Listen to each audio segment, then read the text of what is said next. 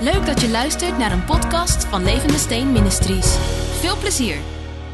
Dus wat beleid je? Je beleidt je verlossing. Je beleidt dat je verlost bent. Je beleidt dat je in het jubeljaar leeft. Daar moet je over praten. Je beleidt dat je vrij bent. Wie de zoon heeft vrijgemaakt, is waarlijk vrij. Je beleidt dat je een erfenis hebt. Wat van hem is, is van jou. Je beleidt dat zijn DNA jouw DNA is. Oh Jezus. Ik heb de stang, de stangen van de slavendrijver verbroken, zegt hij, zodat je weer rechtop kan gaan. En daarover moet je praten. Dat is Hebreeën 4, vers 14. Je moet praten over jouw beleidenis. In je praten, in je beleidenis, in je gebed moet je deze dingen regelmatig zeggen. Ik ben verlost. Kunnen we het met z'n allen zeggen? Ik ben verlost van ziekte, van zwakte, van corona, van omstandigheden, van, woe, van de vijand. Ik ben verlost. Dat is mijn beleidenis. Ik heb een grote, hoge priester die naar de hemel is gegaan. Jezus, Jezus, Jezus, Jezus, de Zoon van God. Halleluja! Woe! En dat moet je niet alleen hier doen. Dit is iets wat je moet vasthouden. En het staat er toch? Je moet het vasthouden. Hier is, dat is die tekstje. Daar wij nu een grote hoge priester hebben. Die de hemelen is doorgegaan. Jezus, de Zoon van God. Laten we die beleidnis vasthouden. Als God zegt vasthouden, moet je vasthouden. Als God zegt vasthouden, moet je vasthouden. Houd niet vast aan de omstandigheden. Houd niet vast aan je gevoelens. Allerlei gevoelens komen op jou af en komen op mij af. Kan ik aan mijn horen? Allerlei gevoelens komen op ons af. Al naar gelang gedachten komen. Daarom moet je gedachten vullen met de woorden van God, zodat jij daaraan kan vasthouden. Je kan aan je beleidenis vasthouden terwijl je niet lekker voelt. Maar door vasthouden aan je beleidenis gaat God je helpen met het niet lekker voelen. Je kan vasthouden aan je beleidenis terwijl je financiële, grote financiële problemen. En alles wil dat je negatief praat, maar je hoort vast te houden dat God toch je voorziener is. En je gevoelens zijn niet lekker hoor, als je allerlei financiële problemen hebt. Maar je geloof moet je te hulp komen. Dat je zegt, ik houd vast aan die grote hoge priester. Er moet een weg zijn met de Heer. En zo activeer je met je mond de kracht van God om je te helpen. Andere weg is er niet.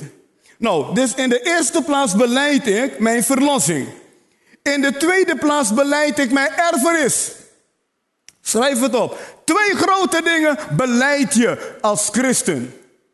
Elke wederom geboren gelovige moet over deze twee dingen praten. Of je gefaald hebt in het, in het leven en, en je, hebt, je hebt problemen gehad, maakt niet uit, je hoort toch bij je tot je beleidenis terug te keren. Ja, ik heb fouten gemaakt. Ja, ik heb dingen niet goed gedaan. Ja, ik heb het gemist hier en daar. Kan allemaal. Wij allemaal maken fouten. Wij allemaal missen het hier en daar. Wij allemaal moeten van sommige dingen zeggen, jammer dat het zo is gegaan. Maar je hoort tot je beleidenis terug te keren. En vasthouden wat God zegt, want daar is je overwinning, daar is je hulp, daar is je antwoord. Want als je let op dingen die je gemist hebt en op je falen, en je gaat dienovereenkomstig praten de hele tijd, versterk je dat. Maak je het alleen maar erger. Jammer dat je gefaald hebt. Jammer dat je het zo gedaan hebt. Jammer dat je het gemist hebt. Hartstikke jammer. Maar nog erger is om erin te blijven. Je moet jezelf eruit praten. Door terug te keren tot die grote hoge priester en te zeggen, u bent bij machten. Hoewel ik gefaald heb, het gemist heb, dingen niet goed gedaan heb, bent u toch bij machten mij te helpen om mee te vloeien met uw plan en dat u tot uw doel komt met mijn leven. Dit is een plek om de te danken, man. Kom, kom, kom, kom, kom. Dus je beleidt jouw verlossing en je beleidt je erfenis. Wat is je erfenis? Heel simpel. Alles wat van God is, is van jou. Ik zeg het niet, hij zegt het. In Lucas hoofdstuk 16, meen ik, zegt hij, al het mijne is het jouwe. En dit moet je leren beleiden. Uh, gewoon, religie begrijpt dit niet, maar wederom geboren mensen begrijpen dit. Alles wat van God is, is van jou. Waarom? Je bent een erfgenaam. Romeinen 8, vers 17 zegt: Zijn wij nu kinderen? Dus dat moet je eerst uit, uitdokteren. Ben ik een kind van God of niet? Zijn we nu kinderen? Dan zijn we ook erfgenamen. Erfgenamen van God en mede-erfgenamen met Christus. Met de Heilige Geest. Dus de vraagstelling in Romeinen 8, vers 17 is: Ben ik erfgenaam? Ben ik een kind? Sorry, ben ik een kind? Als je een kind bent, ben je erfgenaam. Is in het natuurlijke toch ook zo? Ze hebben mij verteld volgens Nederlandse wetten dat je kinderen niet kan onterven. De Nederlandse wet zegt, je kan kinderen niet onterven. Dat zeg ik niet, dat staat vast in jurisdiction in de Nederlandse wet. Je kan kinderen niet onterven. En dit is ook een geestelijke waarheid.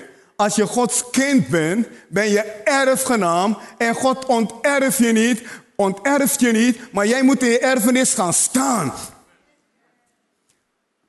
Als kinderen er, erfgenamen van ouders zijn, houdt dat in dat als ouders er niet meer zijn, alles naar hun toe gaat. Kan ik mij horen? Niet een deel, om het zo te zeggen, met een beetje zwart-wit. Nou, tuurlijk, als er minder, meerdere kinderen zijn, verdeel je het over de kinderen. Maar alles gaat naar hun. Niks gaat naar de buren. Waarom lach je nou? Alles gaat naar de kinderen. Is vastgelegd bij de wet. Alles. Huis, onroerend goed, noem het maar, wat ze allemaal hebben. It goes to the children. Nou, wij hebben een, maar ook als ouders leven, eh, zijn kinderen erfgenamen. En al naar gelang de relatie met ouders kunnen kinderen al genieten van de erfenis terwijl ze leven en terwijl ouders leven. En we dienen een levende God die zijn zoon Jezus voor ons heeft gegeven. En de Bijbel zegt, door hem zijn we nou erfgenamen van God geworden. Horen jullie wat er hier gezegd wordt? We zijn erfgenamen geworden, niet van een of andere grote multinational. Je bent een erfgenaam van God geworden. En een mede-erfgenaam met Christus. Dus diezelfde kracht die hem naar de hemel heeft gebracht, staat ook tot jouw beschikking. Oh, man. Jongen, Gods volk gaat te gronden door gebrek aan kennis. Als je geen kennis hebt, kan je niet geloven. Je hebt kennis nodig. Jezus is naar de hemel gegaan door de kracht van God, maar diezelfde kracht zit in jou en mij om ons te helpen om de hemel naar beneden te brengen. Jezus is naar de hemel gegaan door de kracht van God, maar diezelfde kracht zit in ons door de Heilige Geest om de hemel naar beneden te brengen. En dat hoor je te beleiden. Het staat er toch? Houd vast aan je beleidenis. Nou, wat heeft die grote hoge priester gedaan? Hij heeft je verlost. En heeft je een erfenis gegeven. En daar hoor je over te praten.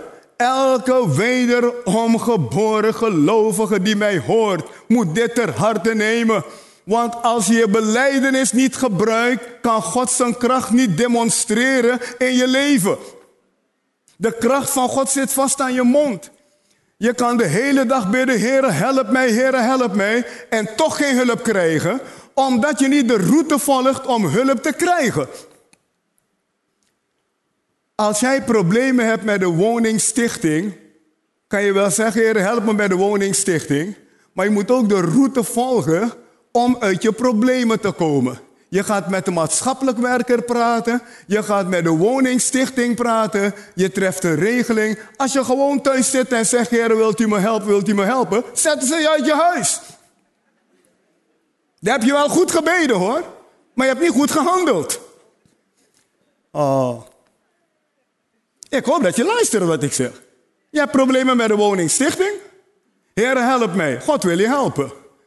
Maar je moet de route volgen Je kan thuis zitten, Heer, help me, Heer, help me. En denken dat de engel komt en zegt, oké, je gaat de dingen voor je oplossen. Dat gaat niet gebeuren. Jij moet naar de maatschappelijk werker gaan. Je moet naar de woningstichting gaan. Met ze praten. Ze uitleggen wat je problemen zijn. Uitleggen dat je graag een regeling wilt treffen. Of hoe dan ook. En dan is de kans groot dat je de hulp van God gaat ervaren. Maar als je alleen maar thuis zit, Heer, help me, Heer, help me. Dan heb je wel gebeden. Maar je hebt niet overeenkomstig je gebeden gehandeld. En als je bidt, Heer, help, Heer, help. Maar je houdt je beleidenis niet vast. Gebeurt er niente. U weet wat niente is, hè? Niente is zero. Is 0,0.